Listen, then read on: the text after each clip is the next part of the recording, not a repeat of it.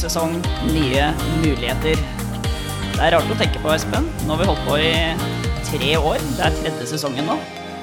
Ja, det er jo egentlig helt fantastisk. Jeg tenker jo at eh, Jeg vet ikke om det er så mange som hadde trua på at dette skulle bli en slager i en uh, podkastverden fullt med sports, fotball eh, og diverse supporter. Altså, fotball er jo et tema som eh, er ekstremt eh, aktivt i podkastverdenen, og at vi i Dommejævel får lov til å ta del i denne euforien.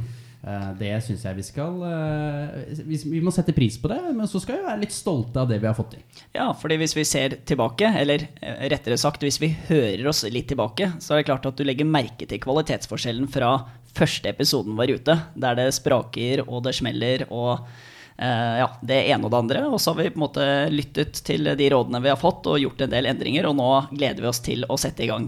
Og vi har jo en meget spennende gjest i studio også. Ja, altså eh, Hvis du starter med det første, da, og de første episodene eh, jeg, er redd vi mistet noen lyttere på veien. Eh, fordi eh, episode én spesielt, Regelnytt 2020, eh, det er jo en fin episode, men eh, hva gjelder kvalitet på det som leveres av det, både det tekniske og innholdsmessig, kanskje, altså det er et lavmål sammenlignet med hvordan vi har tatt steg og dit vi har kommet i dag. Og derfor så er det jo en stor ære å kickstarte både fotballsesongen, men også dommerjævelsesongen eh, i 2022 med Arne Skeie. Velkommen til oss. Tusen takk for at jeg fikk komme. Dette gleder jeg meg virkelig til, altså. Ja, det er, eh, det er veldig, veldig, veldig kult. Og så er det jo sånn, eh, Arne, at du er jo ikke mest kjent for egne idrettsprestasjoner, men faktisk for Nei, å ha kommentert andres. Ja, overhodet ikke. Det er helt riktig. Jeg hadde en eh, fortid for 100 år siden som eh, fotballspiller i, i Skedsmo, men måtte gi meg pga. Uh, en kneskade.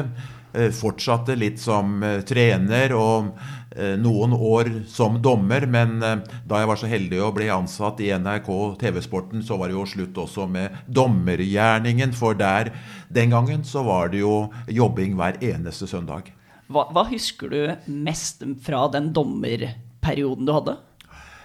Nei, det var veldig, veldig hyggelig. For det første, da jeg eh, Før jeg ble autorisert av kretsdommer i Vestre Romerike fotballkrets, som det het den gangen, så måtte jeg jo ofte dømme aldersbestemte kamper hjemme i Skedsmo, så det husker jeg jo veldig godt. Jeg husker jo sånn i ettertid veldig godt at jeg dømte et Lilleputt-lag fra Lillestrøm mot mitt Skedsmo, og på det Lillestrøm-laget så var det en, eh, en spiss jeg skjønte hadde talenter, og det var Tom Lund. Det husker jeg jo veldig godt.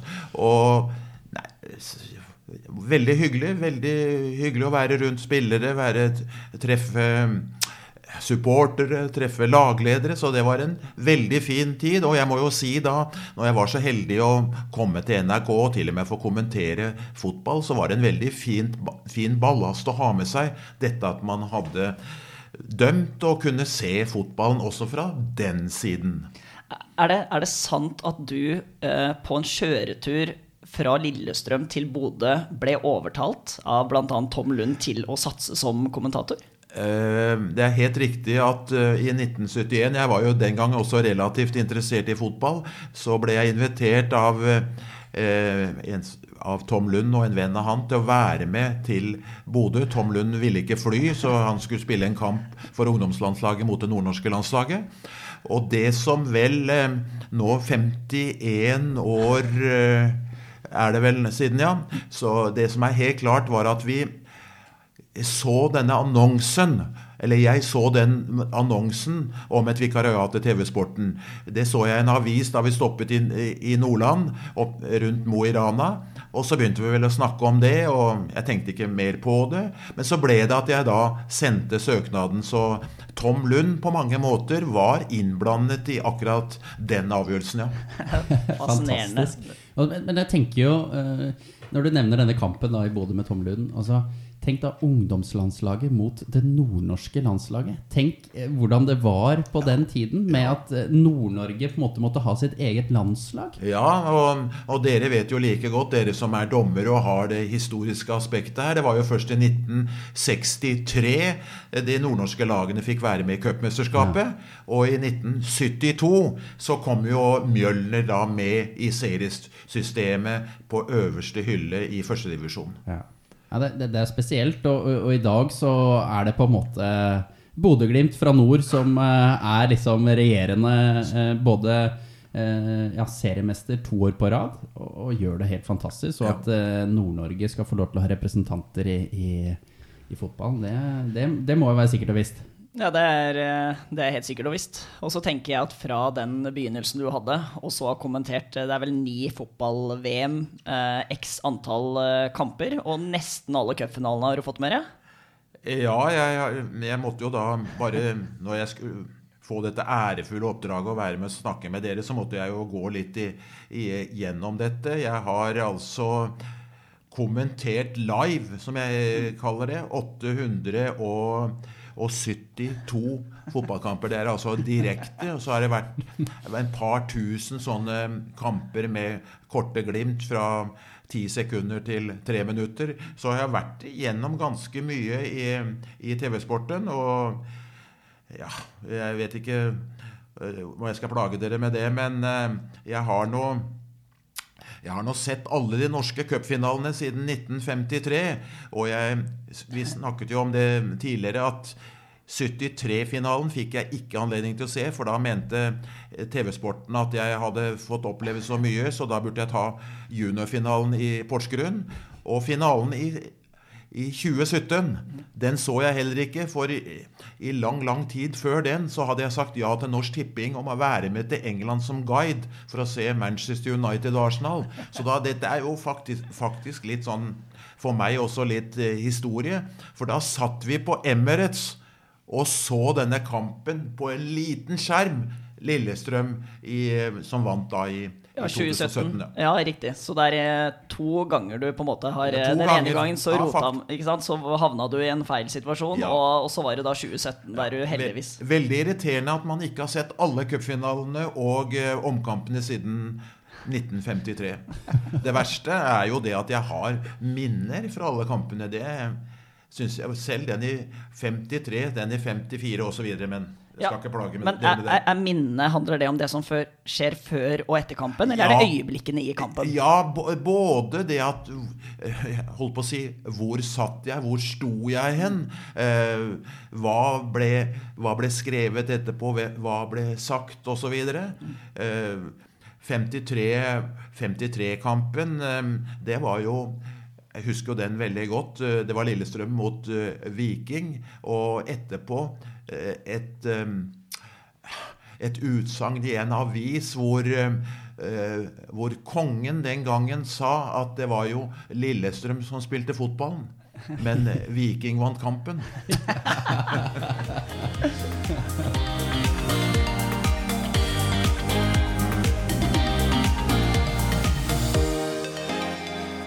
Men, men, eh, når du da sitter og kommenterer, hvor stor forskjell og, og, kjenner du på dette med å være live på stadion kontra å sitte f.eks. på Marienlyst NRK og kommentere kampen derfra? Altså, hvor stor forskjell er det?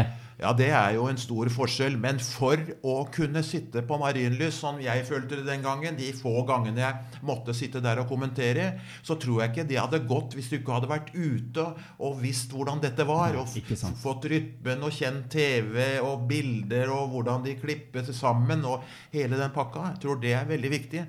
Jeg tror ikke Altså, jeg gjorde jo jeg gjorde jo min første direktesendte kamp 1.12. i 73 i, eh, mellom Leicester og Tottenham på Filbert Street.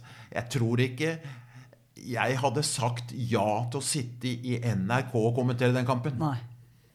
Det tror jeg, Og det hadde jo ikke ledelsen i NRK godtatt heller. altså så skulle være til stede. Og det var veldig viktig når vi da noen ganger kom i den situasjonen at vi måtte sitte hjemme og kommentere. For det tenker jeg jo sånn nå under korona og, og de eh, restriksjonene vi har hatt de siste årene nå, så, så har man jo sett at eh, det er vel mer og mer kommentering som har foregått liksom fra studioene eh, til, eh, til selskapene. Og jeg kan se for meg det at det å så virkelig komme inn i kampen som kommentator òg, er annerledes når du ikke er på stadion. Det der med å få inn stemningen, kjenne på temperaturen, supporterne, den atmosfæren som foregår på stadion. For det, det, det er du nødt til å ha skal du liksom klare å leve deg inn som kommentator òg, ser for meg. Ja, det er helt riktig det du sier. Og eh, for meg, da, som eh, eh fikk 125 matcher i England, så var det også veldig viktig å snakke med den engelske kommentatoren. Han hadde jo dette mye bedre på pulsen enn oss. Mm. Kunne uh, si 'By the way, Arne, vet du i dag, så spiller ikke han'. Nei. Men han spiller i dag, og grunnen er sånn og sånn. Fikk veldig veldig mye tips like før matchene når vi var til stede i England, for all del. Ja. Og, og, for dette her er sånn, Hvis vi drar dette inn i dommerverdenen, da så eh, har jo vi begynt nå med eh, eh, Som du kanskje vet, så, så, har jo på hver kamp så har vi dommerne en veileder. En person det, som det er... eh, gir oss en karakter og ja. en rapport. Eh, og eh, det vi har begynt med nå i enkeltkamper, er å ha noe som vi kaller for TV-spotter. At veileder ikke sitter på stadion, men sitter hjemme og ser oh, ja. kampen på TV. og Eh, det som har blitt problematisert litt med den rollen og den ordningen, er jo også altså fra da veileder sin side og TV-spotter sin side, er at de òg eh, føler på det at de, de mister den eh, genuine følelsen, atmosfæren. Eh, ja, det er lett å se på TV om dommer dømmer rett og galt, om det skulle vært hens, ikke hens, frispark, ikke frispark. Men denne kampledelsen, kjenne på temperaturen ute på mm. matta, det, det, må du nesten være til stede på stadion for å kjenne på. Så det er også noe disse TV-spotterne kommenterer, at, at, de mister litt den genuine følelsen som er i fotballkampen. Det er ingen tvil om. Det å være til stede er selvfølgelig det aller, aller beste. Men det er jo i dag Jeg får snakke for meg selv. Det er jo veldig greit å sitte hjemme og se det. Da kan du gå inn fem minutter før, og når kampen er ferdig, så er den ferdig. Du må ikke reise to timer før, komme tilbake to timer etter. Så det er, det er et pluss. Men ingen tvil om det å være til stede, være på stadion, er alfa og omega, selvfølgelig. Mm, mm. Ja, du var jo litt innom det i stad, eh, Arne. Så du startet jo å kommentere kamper der det var svart-hvitt. Du har vært med på en helt utrolig utvikling. Altså, hvordan, hvordan, føler du denne utviklingen har vært? Har det vært det positive? Nå ender man jo opp med, med videodømming her borte. Ja. Nei, for, det, for seere i dag så er det klart at det som skjer i dag, er det, det beste, og det er for meg òg. Men det, som du sier, det har jo vært Jeg må jo si at jeg har vært på mange måter veldig glad for å ha vært med på det. Det er jo en helt annen verden av mange årsaker. Husk på da vi, da jeg begynte, NRK begynte med dette, så hadde man jo ikke hadde man jo ikke anledning til å sende kamper direkte. Det var jo først eh, i 74 vel vi fikk den første cupfinalen direkte, etter at man hadde hatt en prøveordning med Haugar og Fredrikstad i 1961. Da hadde jo ikke mange TV-er, så da var det ikke noe konkurranse for arrangøren.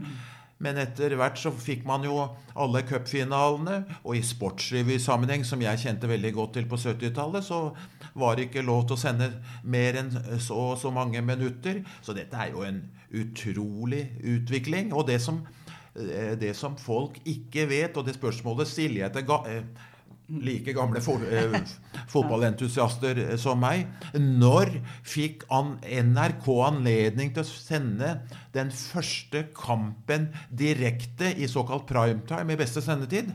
Har dere noe svar på det? 1974? Ja, hvis du legger på nesten 20 år så Den første kampen NRK fikk sende såkalt direkte hele kampen i beste sendetid. Norge-Nederland. VM-kvalifisering i 1992, som Norge vant 2-1. Det er helt utrolig. Det er helt utrolig når vi i dag tenker på hva vi har av tilfang av eh, kamper. Kan jo se fra hele verden live, hvis vi vil. Ja, det er helt vilt. Altså hver dag, hver dag ja. går det altså en kamp. Og det er jo hvis du, hvis du, er interessert i å blakke deg litt og, og, kjøpe abonnementer på alle mulige tjenester, så har du altså fotballkamp 24-7. Det, det tør jeg å påstå. Fra, fra, som du sier, alle verdens kriker og kroker. Ja. det, det, det, er fascinerende. Da hadde vi vært Sigle, Espen. Det er det, sikkert. Ja, ja, det er nok riktig. Eh, det, det er det. Ja. Eh, da kan jeg fortelle dere nå, hvis dere har vært Sigle Jeg må altså ha mitt eget eh, TV-rom, eller jeg kan ikke okkupere det jeg kaller TV, hoved-TV-en hjemme. Da tror jeg også jeg hadde vært singel. Ja. Ja, ja, Nei, men det blir noen kjøreregler og retningslinjer der etter hvert. Du har jo fått dette spørsmålet før, men uh, er det noen uh, Altså de største fotballøyeblikkene uh, Selvfølgelig Man har jo liksom Norge, Brasil i Marseille, men, men, har man Kan du huske noen dommerøyeblikk? eller ja, knyttet til fotball?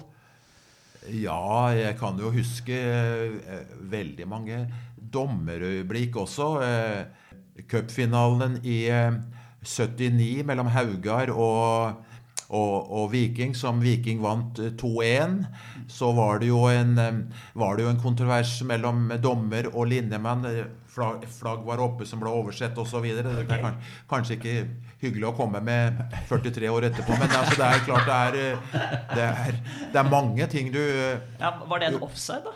Eller var det en offside, eller kan du huske det helt? Nei, nei, men du bare husker at her var rett. Jeg, jeg husker i hvert fall at da var jeg reporter i, i Sportsrevyen, og, og dommergarderoben var stengt etter kampen. Mm. Ja, ikke sant. Såpass. Ja, og, og det, det, trekker jo oss ganske langt sånn fra den tid til i dag òg, hvor vi dommerne er veldig tilgjengelige for media. Det jeg skulle si, Dere er veldig tilgjengelige.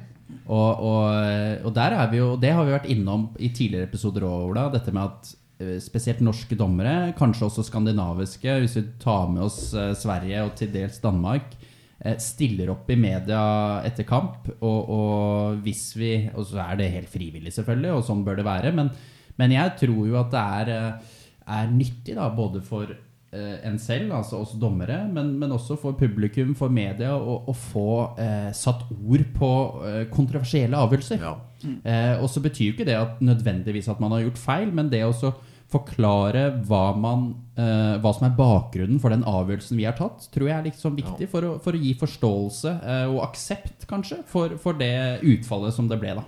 Det har vært eh, forhåpentligvis en eh, utvikling i, med fjernsynskommentatorer, og det har jo selvfølgelig også vært eh, med dommere. Det var jo, hvis det var kontroversielle ting på 60-70-tallet, så var det nok ikke så greit å få en uttalelse fra de dommerne som var involvert. Det har selvfølgelig bedret seg veldig. Men du snakker om episoder. Den en av fotballhistoriens mest eh, omdiskuterte eh, situasjoner var jo den eh, hendelsen til Maradona i VM i, yes. i 86. Og jeg har gjort veldig mange feil, sikkert som kommentator, men da tror jeg med en gang stilte spørsmålet Har vi sett håndballspilleren Maradona? Ja, Nemlig. Ja. For det var, var, veldig mange etterpå som uh, lurte på Blant kommentatorer som satt rundt meg, som lurte på hva skjedde egentlig. Mm. Det, det, var liksom logisk der at det kunne ikke være noe annet enn en hånd som var der oppe. Så det er klart at uh, dommerne stilles jo på uh, tusenvis av prøver i hver eneste kamp, og det gjør også TV-kommentatorene. Mm. Her skulle man hatt videodømming i den kampen der. Ja, det skulle man absolutt hatt.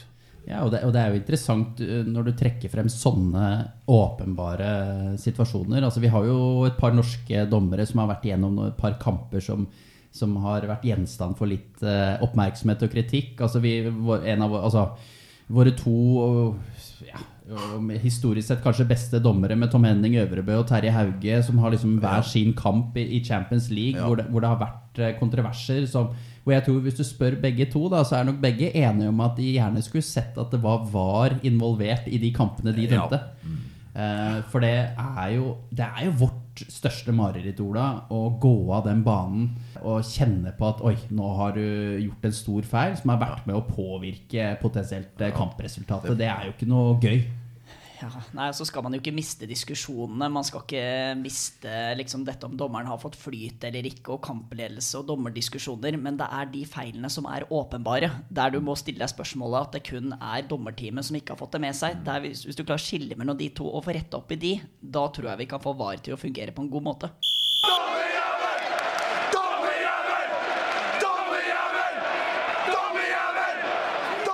La oss ta oss tilbake til eh, Marseille. Ja. Altså i 98. Og det, altså når vi er innom minner, og, og jeg tror vi har vært innom det en gang før, eller om jeg har nevnt det til noen andre tidligere, men, men eh, jeg var jo eh, denne eh, Ja, det sankthanskvelden i, i 98, altså noen timer unna å fylle ti år. Eh, og husker jeg fikk lov til å sitte oppe og se på denne kampen. Og det er jo kanskje sånn et av mine liksom første virkelige fotballminner. Som, jeg, som jeg liksom kan Det er nesten så jeg husker hele kampen. Eh, alle situasjonene, dramaturgien. Og, og eh, det er liksom fascinerende hvordan denne kampen egentlig har definert både landslaget og liksom norsk fotball i ettertid. Altså, det, den nyere historien med norsk fotball startet egentlig med den seieren der i Marseille, også frem til i dag. Altså, Hvis jeg kan korrigere deg litt, så tror jeg vel kanskje det var ikke på ingen måte like mye oppstyr, men det var mye oppstyr også etter 1-0-seieren i første kamp i, i VM i 94. ja, ja, ja 94 i. USA. Ja, Ja. klart, klart. For det var USA. Det, det var jo enormt med nordmenn til stede der. Men unnskyld innbrytelsen. Nei, men, men jeg er subjektiv, vet du, for dette, det, jeg husker jo ikke det. Jeg var for Nei. ung til å huske det, vet du. Det er, det, det er liksom Min historie startet da. Nei, Nå sitter du sammen med en fra arkeologisk tid, så det er vanskelig. Men Espen, i og med at du nevner sant, noen timer fra ti år, hvor var det du var hen, forresten? Nei, jeg var hjemme. Ja, var hjemme, ja. Ja, så, så jeg satt jo i stua med mamma og pappa, og, og jeg tror vi hadde hatt noe grilling med naboene. og Så vi var jo samlet en hel gjeng hjemme. Ja. Eh, og, og det var fint vær, og, og det var altså, det helt fantastisk. Men, men der òg eh, Det som er så fascinerende med kampen altså Hvis vi tar av oss norske briller eh, og på en måte den subjektive Heia Norge-rollen, så er jo den avgjørelsen med å blåse straffespark var, altså, Rett etter den avgjørelsen så var det jo ekstrem kritikk til denne dommeren Ja. eh, fra USA. Han ble vel sendt hjem òg? Ja, Altså. ikke bare fra, fra hele verden. Ja, altså, dommeren, jeg husker, jeg dommeren husker var vel fra USA, men, men, Ja, ja, for all del. Men, men, men altså, det var jo ekstremt, fordi det var ingen som skjønte Nei. hvorfor dette her Nei. var straffespark. Og jeg husker jo da, bare før du går videre, da, etter kampen så var det jo disse kollegene mine sa ja, Norge helde igjen, fikk et straffespark som vi ikke skal ha til ingen skjønte noe av det. Og da, da er det jo greit i Osøyne å slå Brasil. Men heldigvis dagen etter så kom bildene bak mål. Ja. Men Egil Olsen Drillo sier jo det at han var Han så det. Ja. Han var, men han sa til seg selv at Men vi får jo ikke straffespark. Nei. Nei, det er rart, det der. Og, og eh, det som i hvert fall var enden på visa med han dommeren, er jo at når disse bildene kom, og han på mange måter da ble frifunnet for den feilen alle trodde han hadde gjort, så har jo på en måte Han eh, steg jo i gradene i Fifa, ble instruktør og kom inn på en måte i, i dommerledelsen i Fifa. Og har liksom eh, Ja, han har jo levd på den avgjørelsen, han, i ettertid. Eh, og, og da ser du liksom hvor skjebnesvangert det er. Det er stang inn, stang ut. Ja, det er for all del, ja. Enten er du helt, eller så er du den store Ja. skurken, og så er, er du ferdig. Dere har selvfølgelig tenkt eh, tanken, dere òg. Hvis det hadde blitt eh, 0-1 eller til og med 1-1, så hadde vel kanskje, kanskje kampen nesten vært en parentes i fotballhistorien. Ikke sant? Det er fascinerende. Hvis du tar med bakteppet, da, at Norge da hadde begynt med to uavgjorte resultat, og det er jo to poeng. og jeg sa vel til meg selv at ja, ja, begynn et fotball-VM med to uavgjorte. Greit, tape da med et mål eller to mot Brasil. Godkjent. Og det var vel noe av den eh, innstillingen jeg gikk til kampen med. Ja, ja, Brasil, verdens beste. Håper på et relativt greit resultat. Vi har tross alt fått to uavgjort resultater. Men det skal jo sies, vi var jo veldig skuffet etter de to uavgjorte resultatene. For vi mente jo at vi skulle slå både Marokko og Skottland. Mente på forhånd. Men noe annet er å gjøre det når det virkelig gjelder. Ja. Nei, Jeg husker i hvert fall at jeg var på denne Havna hotell i Tønsberg. Noen Teiecup eller noe i den duren der, hvis det, hvis det var der. Men jeg, jeg, klarte ikke å se på den straffen. Altså, Jeg var jo ca. samme alder som deg, men jeg husker bare at vi gikk ut, og så hørte vi jubelen og kom inn. For det var, det var så sterkt. Det, var så liksom, det var uvirkelig hvis de skulle score. Ja. Det, og det blir litt sånn Hvor var, hvor var du når, ja. når denne kampen ble spilt? Ja, det er jo fotballens svar på, på staven til Brå. Altså, ja, det er jo på det. mange måter. Ja, ja, på mange måter er det det. Uh, ja, må nesten få si det. Ja. Uh, angående Brå, da, da ble det jo tidenes sidesprang i temaet her, da. Men, uh, men, datteren til Oddvar var jo naboen vår på Elmolt allé. Ja. og jeg, jeg var, skulle parkere bilen i garasjen, og så møter jeg en hyggelig herremann som har lua på. Uh, og han sier 'jeg får hilse', ikke sant? Og, og, han sier ikke navnet sitt, men er veldig interessert i fotball. Og, og sier at jeg, jeg, har vært oppe på Lerkendal og dømt en kamp, og vi prater om det. Jeg stiller ikke ett spørsmål om langrenn eller noen ting, fordi jeg vet jo ikke hvem jeg prater med. Og sånn møtes, møttes vi ofte i garasjen fordi han var hos datteren sin på besøk. Til jeg skjønner at det er selveste Oddvar Brå, og det var sånn pinlig øyeblikk der vi bare har prata om uh, fotball hele tida. Så det var i hvert fall sidekick-story. Ja, det var dagens sidekick. Ja. det var dagens sidekick. Ja. Men Oddvar Brå er interessert i all idrett, så det er ja. Eh, og alle, alle, trøndere er jo opptatt av fotball, så det Det er helt riktig. Ja. Så jeg var der på boklanseringa hans i, i, Ja, Du hadde dårlig samvittighet, da? Ja, da hadde jeg dårlig samvittighet. Jeg kjøpte to bøker, jeg. Men apropos Oddvar Brå og Staven, da, hvor var du når dette skjedde? Ja, Da var jeg jo, da jobbet jeg jo selvfølgelig i fjernsynet. Hadde ja. hoppingen under VM i 82. Men jeg tror, i og med at jeg er så interessert også i langrenn, at jeg, jeg satt i TV-huset for å se sendingen. Jeg vet jo det at du får mye mer ut av en TV-sending enn å stå i paddocken på Ullevål. Du får, nei, Ullevål på, i Holmenkollen. Du får jo selvfølgelig atmosfæren der, men jeg ville gjerne ha alle bildene, passeringer ute og alt det der. Så jeg var faktisk i, i fjernsynshuset og sånn. Ja. Men hopp. Ja. Altså, du har jo nevnt at eh, ja, du har spilt fotball for Skedsmo, og du har dømt litt fotball. Men hvor kom denne hopp? Ja, Det er eh, kanskje et godt spørsmål, men min far var uh, veldig interessert og Eh, jeg vil nesten eh, om han si han var pytt og panne i skigruppa i Skedsmo. Men han var også hoppdommer, og han tok meg tidlig med eh, til hopprenn. Og jeg var faktisk bare 17 år da jeg ble autorisert hoppdommer. Ja, så hoppinteressen den har vært der bestandig. Men jeg sier da at jeg var aldri noen hopper. Når det var, ble stillas, så gikk jeg ned. Ja. Og ble stående på dommertribunen i stedet. Men hoppinteressert er jeg. Eh, og kanskje enda mer nå etter at jeg eh, slipper å reise til eh, Harakov og Planica og Garmisch-Partenkirchen første nyttårsdag. Så der også, ikke sant? Det å reise til hoppuka var fantastisk så lenge det eh, pågikk. Men det er altså å bestille billetter, ha med utstyret, få eh, hoteller og passe på det ene og det andre. Og der er det også fint å slå på TV fem minutter før det begynner. Ja, Det er en voldsom logistikk når du skal ja, på en sånn tur. Det er altså det, For all del, jeg var, var privilegert og fikk jo 42 hoppuker. Det er jo helt utrolig, vet du. Men, eh, og like moro var det. Men da jeg visste at det var slutt, så var det slutt. Mm. Og den eh, egenskapen er jeg litt glad for at jeg har, for jeg har snakket med andre som syns det er så fælt å ikke få uh, kommentere og reise og alt det der. Nei, da det var slutt, så var det slutt. Men for all del, kanskje enda mer interessert i dag, i den grad det er mulig, i både fotball og ski enn jeg var da jeg drev på. For det var rart, vet du. Når jeg var i Harakov, så var det ikke så lett å følge med i, i fotballen. Og når du var når du var på en fotballkamp og skulle gjerne ha et skiresultat, så, men nå har du mye, av forskjellige grunner mye større kontroll på alt sammen. og Nei, ski og, hopp, eh, ski og fotballinteressen, den, den blir ikke borte. Men, men, med så mye reising eh, Vi har jo reising i forbindelse med vårt virke. Men hvordan har du klart å ta vare liksom, på altså, jeg tenker sånn, eh, trening, kosthold, helse? Altså, du ja, det, det, kan du spørre om. Men nei, jeg, jeg vet ikke. Jeg har vel levd et relativt uh, sånn sett uh, greit liv. Det har ikke vært for mye eh, alkohol, det har, ikke, det, har vært, det har vært søvn og det Ja, eh, Ja, men du har fått det til, for det er jo, du holder deg meget bra, Arne.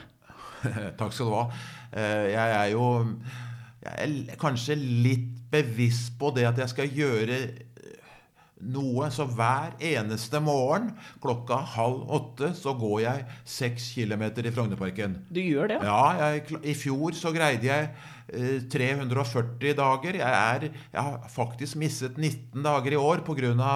at jeg klarte, det skulle jeg nesten ikke sagt, å tryne på sykkel. Så jeg måtte ta det litt rolig.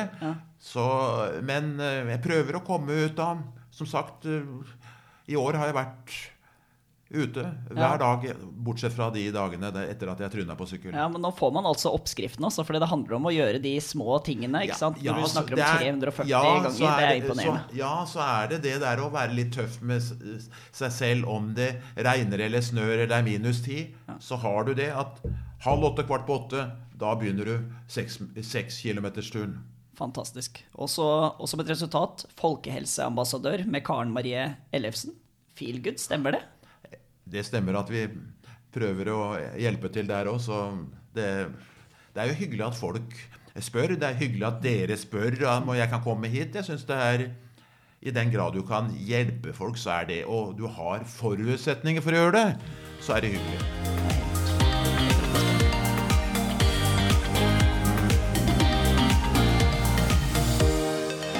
Det jeg eh, satt og tenkte på nå, når du var innom det at du selv ble autorisert hoppdommer, er jo eh, om vi kan eh, komme frem til noen eh, likheter mellom det å være hoppdommer og være fotballdommer.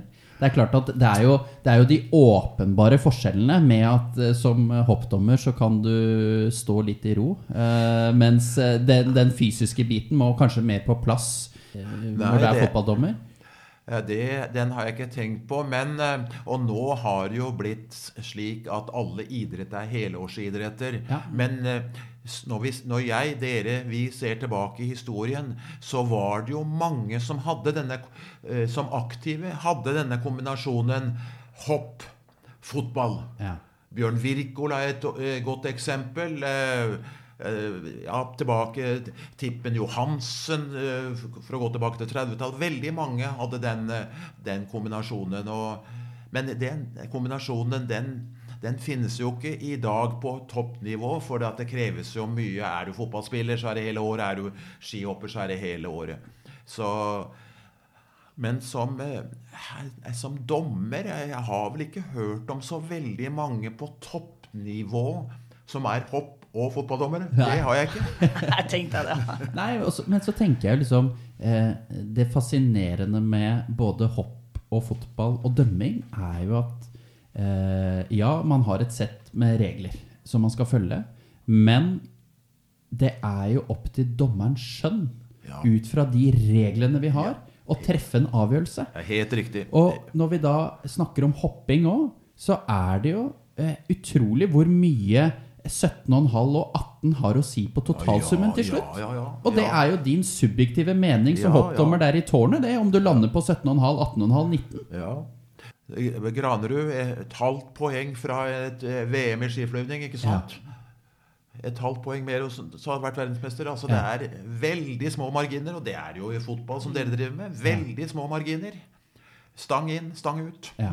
Så, så jeg tenker den derre skjønnsvurderingen som ligger i bånn i, eh, i dømmingen, både på fotballbanen og i hopptårnet, må jo være den klare likheten da, Ja. mellom det å være fotballdommer og hoppdommer. Det er det, men jeg kan i farten ikke ta så mange kjente navn som har vært både hopp- og fotballdommere. Det kan jeg ikke, altså. På et, høy, på et høyt nivå, vel å merke. Nei, nei, nei. Nei, nei, jeg tenkte mer sånn på liksom, parallellene. Om man tenker liksom om de er yrkesprofesjonene som det er, om det er liksom noen likheter eller klare forskjeller. ikke sant? Hoppdommerne har de, de har vel ikke noen fysiske tester, vil jeg anta? De har ikke det, men de har uh, teoretiske tester. Og, Ja. Men fotballdommerne har jo begge deler, da. Ja, nei, ikke sant. Og de testene er, eh, har jeg forstått, lenge etter at jeg slutta som for, eh, dommer. De er ganske tøffe når det gjelder det fysiske. Den 3000-meteren, den, er Ah. den er tøff. Og Ja, den har jeg fortsatt mareritt fra. Ja. Nå har det faktisk blitt litt eh, annerledes Ja, vi, tester. er jo, vi er jo glad for at eh, vi er ferdig med den Cooper-testen. Eh, nå er det jo litt mer intervallpregede Ja. tester. Eh, Men vi kan vel si såpass at testene blir jo ikke mildere med årene.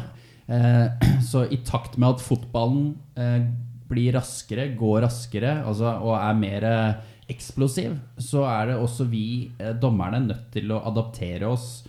Både liksom vår trening, men også løpetestene må på en måte gjenspeile den aktiviteten vi driver med på banen. Og det er mye mer nå start-stopp og, og kall det hurtighetsdrag enn at du er en uh, liten gaselle som holder et, ett og samme tempo og, og lunter rundt i, i midtsirkelen, som man kanskje gjorde uh, litt eh, tidligere. Ja, og så var det jo Jeg skal ikke si det var lettere, men uh, det var jo et helt annet tempo på fotballen da på 60-tallet. Ja, ja det, du skal ikke kimse av det. Det Nei. Det er bra. det er, sånn er det bare. Ja. Ja, Arne, du har jo sagt en gang at høsten er ikke det samme uten uh, cupfinalen. Eh, Det har jeg sikkert sagt òg. Mye rart jeg har sagt, og det er eh, riktig. Selv om eh, jeg vet ikke om du da tenker på at i år får vi cupfinale i begynnelsen av mai. Ja, Det er merkelig. Det er merkelig. Og slik det har blitt nå i Norge etter pandemien og sånn, så er jeg veldig spent på det. Cupfinalen da jeg vokste opp og fulgte den i alle år, så var det jo ja, Bortsett fra et par år, så var det jo utsolgte hus. Og jeg er veldig spent på nå i, i slutten av denne måneden om eh, Molde og vinneren av eh, Bodø-Glimt Viking greier å samle Ullevål stadion og få et fullt hus der. Det er jeg veldig spent på. Ja, det, det er jo vi også. Ja, og, og vi er jo så heldige, Ola, og fått lov til å oppleve cupfinalen eh, live midt på banen. Altså, Vi har jo dømt hver vår cupfinale. Og, Og det var store cupfinaler òg. Ja, ja. ja, ja, den i 19 og den i 17. og, og det er klart at, eh, det klart at den der å, å klare å, å, å fylle Ullevål Jeg husker det liksom står i spillertunnelen der. Du har to supporterfrankeringer på hver side som på en måte skaper liv. Eh, og, og, og går ut der nasjonalsang. Altså, det er en fantastisk opplevelse, og det er en fantastisk følelse å føle at nå avslutter vi sesongen eh, med denne kampen. Eh, og eh, som dere er litt inne på, ok, nå kommer det en cupfinale. Vi har nettopp startet en ny sesong. Det blir spennende å se hvilke følelser vi klarer å få knyttet til dette her. Og Altså. cupen i 2022 er jo også allerede startet. Ja, ikke sant? Det er helt riktig. Så, så den nye cupen ruller og går mens vi har en finale. Er veldig spesielt. Men cupen eh, igjen, um, cupen er viktig, og det er ikke uten grunn at kongepokalen er satt opp Nemlig. til vinneren av cupfinalen. Ja, det er et godt poeng. Ja, serievinneren får ikke noe kongepokal, men cupvinneren får det. Ja. Men vi ser jo dessverre den, noe av den samme tendensen i England. Eh, dere opplevde jo ikke det, men fra, fra man hadde mulighet i Norge til å se cupfinale fra tidlig på 60-tallet fra England, det var svære greier, altså. Den cupfinalen. Ja. Det var jo noe av det, det største vi kommentatorene i NRK også hadde. Den er jo fortsatt stor i England, men cupen er ikke så viktig. Og det skyldes selvfølgelig mange ting, bl.a. kampprogrammet, som jo er et helt annet nå enn det har vært før, med europeiske turneringer osv. osv. Ja, altså Kampfrekvensen er jo helt ekstrem eh, for de engelske lagene. Og én ting er jo FA-cupen, men så har du ligacupen. Og, det- altså, det- og, og uten at jeg har full kontroll, så er det vel fortsatt sånn at det er FA-cupen som er som er liksom ho Ja, den, hoved... den er, ja, England er den er eh, absolutt størst, men eh, eh, du ser jo i FA-cupen, ja, eh, tøft program, men en del av lagene kommer ikke med det beste mannskapet, og det forteller jo meg at de prioriterer jo ikke den som de tidligere har gjort. Nei. Og ligacupen, som du snakket om, den har jo også vært der bestandig. Og, og de spiller jo nå færre ligakamper enn de gjorde før. Før var det jo 42, nå er det på 38. Men det som har kommet til de siste årene, er jo alle de europeiske turneringene. Ja. Og det, og det syns jo vi som dommere er eh, for så vidt positivt. da, At eh, vi har mulighet til å få lov til å reise rundt internasjonalt. Og eh, det er jo gjerne sånn når det er landslagspause, f.eks. Spillerne, dommerne kan ta, ta et par uker fri her hjemme for landslagene reiser rundt. Så er det jo, hvis du er så heldig å være internasjonal dommer på et eh, visst nivå, så blir du jo tatt ut til å dømme disse kampene ute òg. Så, så vi merker jo det innimellom at det er jo perioder hvor, hvor det er veldig hektisk hektisk både kamp, reise og, og, og altså den reiseaktiviteten, kampaktiviteten for oss dommere òg, kan til tider være ganske hektisk. altså. Ja, nei, Det er et godt poeng. og Det er klart, eh, Den totale belastningen eh, kan jo bli stor. Og det tenker jeg på en måte blir en viktig greie i forhold til arbeidet Norges Fotballforbund gjør med dommerne. For Vi kan godt snakke om at nå har vi norske dommere som er semiprofesjonelle, men jeg ser jo tendensen her nå med VAR, videodømming, eh, at man må, kanskje må ta det steget opp og profesjonalisere i større grad. Få dommerne inn i fotballarenaen og, og gjerne gjøre arbeid for forbundet. Men at det, for å for å få norske dommere opp og frem, så må vi liksom i enda større grad øke eh, profesjonalismen i det hele. Jeg er helt enig, og når du først er inne på VAR, da, så, så kan vi jo nevne det at eh, i januar, Ola, så begynte vi dommerne med VAR-utdanning. Ja, det var eh, absurd. Der man sto i en eh, garasje eh, på Økeren i, i ulike biler bortover. Og, og man satt der som en VAR og med en avvar som vurderte uh, offside-situasjonene. Og så viste man da dette live-klippene i anførselstegn uh, med en tekniker og med en veileder bak og disse kodene som ble gitt. Og da har jeg også en stor respekt for og forståelse for hvor komplekst og vanskelig dette kan være. Eh, Se for deg et angrep med både offside-vurderinger, for det er jo enten-eller. Og så kommer det en vurdering inn i straffesparkfeltet som man skal se på. Og så er det viktig å få med seg hele angrepet og vurderingene. Så vi har virkelig fått kjørt oss nå og skjønner på en måte at dette er ikke rett fram. Vi kommer nok til å ha et år der eh, vi forhåpentligvis kan konkludere med at dette er bra for norsk fotball, men at det vil være feil også der. Ja, og så er eh, mitt spørsmål, da. Klarer norsk fotball eh, denne økonomiske siden? Blir det bare på toppnivå dette vil være? Vil det forplante seg nedover i ligasystemene, i seriesystemene? Hvor stopper man der? Eh, Når eh, Eliteserien har fått det, vil ikke da eh, Obos fort komme og si det, at de vil ha det? Og, og, og alle divisjoner nedover. Ja, så- ja, ja, Og toppserien også, sånn jeg har skjønt det. Ja, og det er klart at uh, mye vil ha mer, uh, hvis du kan si det på den måten. Men vi ser jo, hvis, vi- hvis vi ser til andre europeiske ligaer uh, og, og andre nasjoner som har hatt VAR en del år nå, så hvis vi tar f.eks. Italia, så så jeg det at nå nå annonserte de at de skal etablere VAR i serie C, altså på nivå 3 i Italia, fra neste sesong. Polen, Spania eh, har eh, VAR i sine andre ligaer, altså nivå 2-ligaene. Så, så på en måte det, det vil jo med tiden forplante seg, men det, ja, altså alt bunner jo ut i de økonomiske Ja. eh, rammene eh, dette er. Og det er klart, eh, både NFF, norsk toppfotball, og, og nå en ny mediepartner fra 2023, da TV 2, er jo nødt til å, å bekoste dette her, for det, det er jo ikke gratis.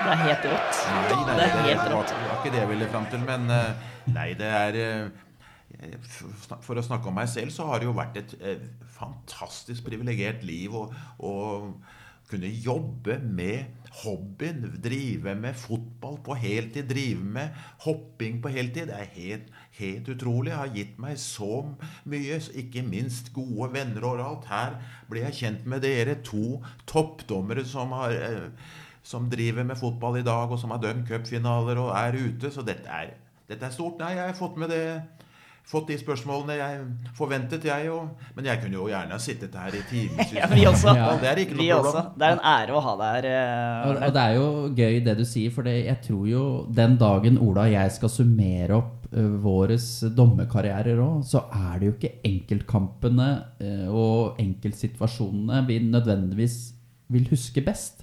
Det er jo kameratskapet, det er reisene eh, og gjerne hendelsene utenfor selve kampen. Og det er jo opplevelsene. Og, og, og det er jo det liksom jeg, jeg, jeg på en måte prøver å sette meg selv eh, noen år frem i tid, når jeg forhåpentligvis kanskje sitter der med noen barnebarn eller, og, og, og forteller om den dagen jeg var i, på Celtic Park og, og dømte for 60 000, og den stemningen som var der. Altså Det er jo de eh, tingene vi husker. Da må jeg jo til slutt komme med en episode da. Altså, folk spør meg om store øyeblikk, og ja, jeg har fått oppleve mye over 800 kamper, over 1000 hopprenn. Men når jeg ser tilbake, kanskje noe av det største var Og nå eh, blar jeg tilbake til 1973. Da var det jo Altså, da var da hadde vi knapt eh, folk i studio på fotballkamper, og vi fikk inn noen bilder fra England. Og jeg spurte i 73 om jeg kunne dra til England og lage stoff til tippekampene. Og da sa jo alle de rutinerte at det kunne du gjerne gjøre, men tror du at du får til noe som helst? For de gutta, de er verdensstjerner, og de skal ha betaling for dette. Ja vel, så ble vi med Strømsgodset til Leeds.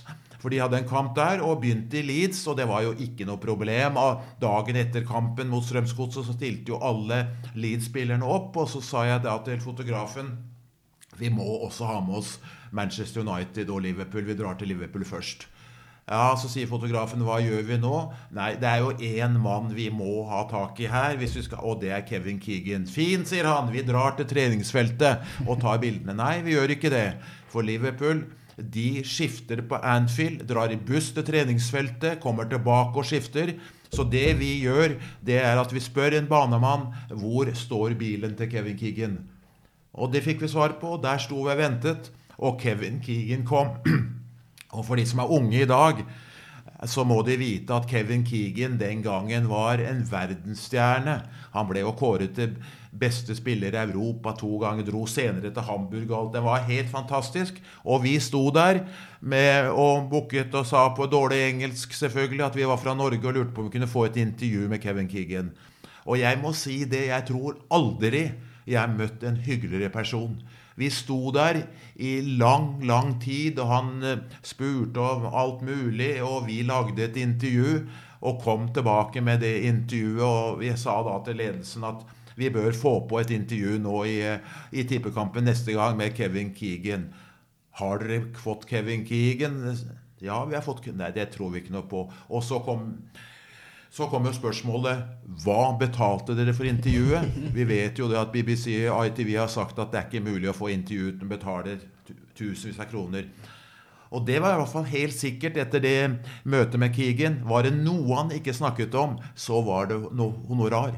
Vi fikk det intervjuet, og det syns jeg var, i ettertid var fantastisk. Verdensstjernen stilte opp for NRK.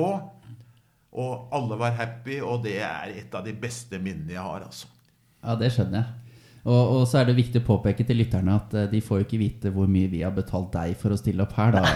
Men, Nei, eh, det, men den, den summen, den holder vi Ja. for oss selv. Det gjør vi. Men det er gøy, det er jo nettopp disse øyeblikkene Ja, som blir beskrevet klart er- her. Ja, det er disse Fantastisk. Og så, Hvis jeg får ta ett til, Ja, så, på. til, så var det tippekamp i 1976 i, i Nottingham. Det var cuprunde, så vi fikk ikke sende cupkamper, men vi kunne få sende for, fra, fra ligaen. Og da måtte vi ned til Notts County mot Blackpool. Og jeg var jo den gangen også eh, rimelig godt eh, forberedt, for det var liksom første betingelse å være godt forberedt. Og det var Og Sverige og Danmark reiste jo sammen med oss. Danmark var ikke med på den kampen, men Sverige var med. Og de hadde, hadde et slik opplegg den gangen i Sverige at alle som var litt interessert i idrett, skulle, på, eh, skulle da på, på kamper i England. Og den som reiste sammen med meg, var Lennart Hyland. Det sier kanskje ikke så mye, men det var altså den største stjerne i, i media i Norden. Lennart Hyland. Og, ha, og vi hadde tog opp til Nottingham, og vi satt og pratet og kastet ball, og jeg følte at nå kunne, eh, kunne, kunne Hyland mer om, om disse lagene enn meg. Kvarter før kampen så sier Hyland oppe på plattingen til meg Vi kan for lite, Arne Skeie. Nei, det, jo, vi må inn i garderobene. Nei, det går jo ikke. Inn i garderoben til Notts County med Lennart Hyland. Bana vei. Snudde spillerne rundt. Nummer fem, ja. Høy, lys. Åtte, relativt liten. Inn den andre garderoben, og vi tilbake og kommenterte kampen. Det har jeg aldri opplevd. Det klarer jo selvfølgelig ikke å få til i 2022, men Lennart Hyland greide det. Dørene opp, inn for å snakke med spillere og se hvordan spillerne så ut. For som han sa, det var veldig nyttig når han ikke hadde sett verken Notts County eller Blackpool tidligere.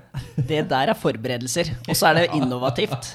Rett og slett veldig innovativt. Ja, det er forberedelser, men det var jo ikke uten grunn at Lennart Hyland hadde den posisjonen i Sverige, i Skandinavia, som underholder, som, eh, som fotball-ishockeykommentator. Da ser man det med relasjonsbygging òg. Det å ha evnen til å komme tett på folk og få tillit betyr ekstremt mye. Ja, det er fantastisk. Og så tenker jeg at eh, du skal vite, Arne, at eh, er du på stadion en kamp Ola og jeg dømmer, så er i hvert fall dommergarderoben åpen for deg. Ja, er det? Ja, den er det. Så da Ja, må du komme det- inn og slå an en prat. Ja, det skal jeg ta med meg fra dette hyggelige møtet med dere. Ja. Jeg takker igjen for at jeg fikk komme. Dette var en fantastisk stund sammen med to av Norges aller, aller beste dommere gjennom alle tider. Oi, oi. Da skjønte jeg ble varm her, og selvtilliten bare jobba seg oppover. Tusen takk, Arne, og en riktig ja, god påske når den tid kommer. I like måte. God påske til dere, og tusen takk for at jeg fikk komme hit. Dette var veldig hyggelig.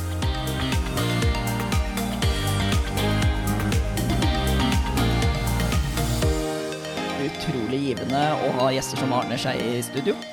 Han er jo en eh, mann eh, med så mye historie, erfaring, kompetanse. eh, ja, altså you name it. Han har, det er hele pakka.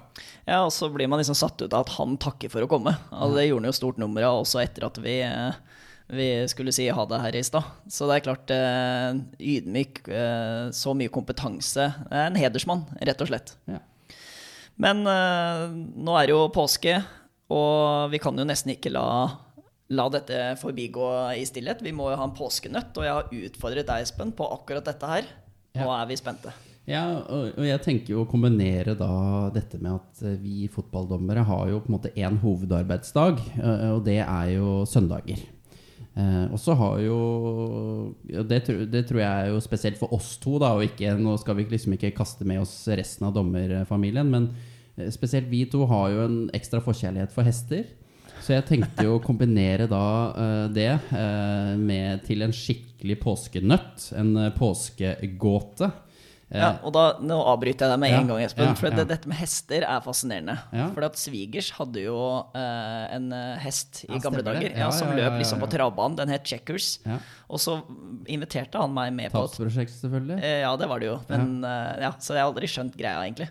Men, men jeg dro i hvert fall ned, og, eh, og jeg fant jo ut, fordi jeg lånte bilen hans etter at han hadde vært på stallen med hesten, så hadde jeg tatt hendene mine på rattet, som også svigers hadde eh, brukt. Og så klødde jeg meg i øya en time etterpå, og i det sekundet så skjønte jeg at jeg tåler ikke hest. Nei, og det fascinerende er at det gjelder jo broren til svigerfaren din nå. Altså, Ja, det er helt han, riktig. Han han er jo foran et hestehår eh, på seg, så dør han jo. Ja, og derfor takker jeg alltid nei til kanefart. Eh, til og med, for det er jo ute, og det burde jo være null risiko, men hvis du sitter bak en hest i to timer på kanefart, så er du blind. Så til alle supportere der ute, hvis dere vil ta knekken på Ola H, så er det bare å komme med litt hestehår. Hest og um, ja. Da, da, da tror jeg mye er gjort, det. Ja. Nei, men tilbake til denne gåten, da. Eh, Nei, det kan vi ikke. Nei da. Ja, da. Så, så var det altså eh, Ola H. Red ut av byen på en søndag. Han bodde en hel natt på et hotell og red tilbake til byen dagen etter på søndag. Hvordan er dette mulig? Interessant, Ola. Interessant. Interessant. Så det eh, vi ønsker da, er jo at eh, når dere har eh, funnet ut av eh, eh, denne eh, påskenøtten, så sender dere svaret til Post at dommerjævel.no. Og vinneren Eventuelt så kan dere også få lov til å svare på Dommejævel på Instagram. Selvfølgelig. Ja, Vi må ikke glemme det. Det er bruk, kanskje bruk de plattformene som er, er jo vi er jo så gamle, vi, så det der med sosiale medier og sånn er jo liksom ikke vår sterkeste side. Men, men vi må jo bare informere om at det er mulig å svare der også. Ja, og så blir det et eh, kult påskeegg i premie. Ja. Enkelt og greit. Og innholdet, det får vi komme tilbake til. Ja, ja, ja. Lykke til. Guten Lach. Ja, da er det tid å wrap it up, som man, eh, man sier på fagspråket. Ja. Og det er jo ikke altfor lenge til eh, episode to av sesong tre av Dommerjævel. Og Det skal bli interessant å komme innom eh, noen av situasjonene som, som har vært diskutert i, i de rundene. Vi har hatt cupkamper, vanlige seriekamper, og det skal bli interessant å diskutere det. Og også dette pågående VAR-prosjektet som går nå. Nå er det jo faktisk sånn at året går fort, og plutselig så står vi foran et nytt år der det kommer til å skje veldig mye endringer. Det blir interessant å diskutere det nærmere med deg, Espen. Ja, jeg tror vi kommer til å få mye mat å diskutere utover eh, i sesongen. Og da må jeg nesten spørre, hva skal du i påsken? Nei, jeg hadde tenkt å slikke litt sol på, i, i fjellheimen. Riktig. Og hvilken fjellheim er vi på da? Uh, nei, det begynner på ha og slutter på fjell. Helt riktig. For det er grunnen til at jeg spør, er for at jeg skal også opp til Hafjell. Å, herregud. Nemlig. Så da får, jeg, da får vi gå på ski. Ja, du tar første runde, sier jeg bare. Helt riktig. Ja, da, det betyr at du heller ikke har kamp tredje serierunde, da? Nei, Andre påskedag? vi, vi, vi, står, vi står over tredje Ja, det, serierunde. det er det man kaller stang inn. Ja. Yay! Takk for denne gang. Takk for nå, og god påske! Way!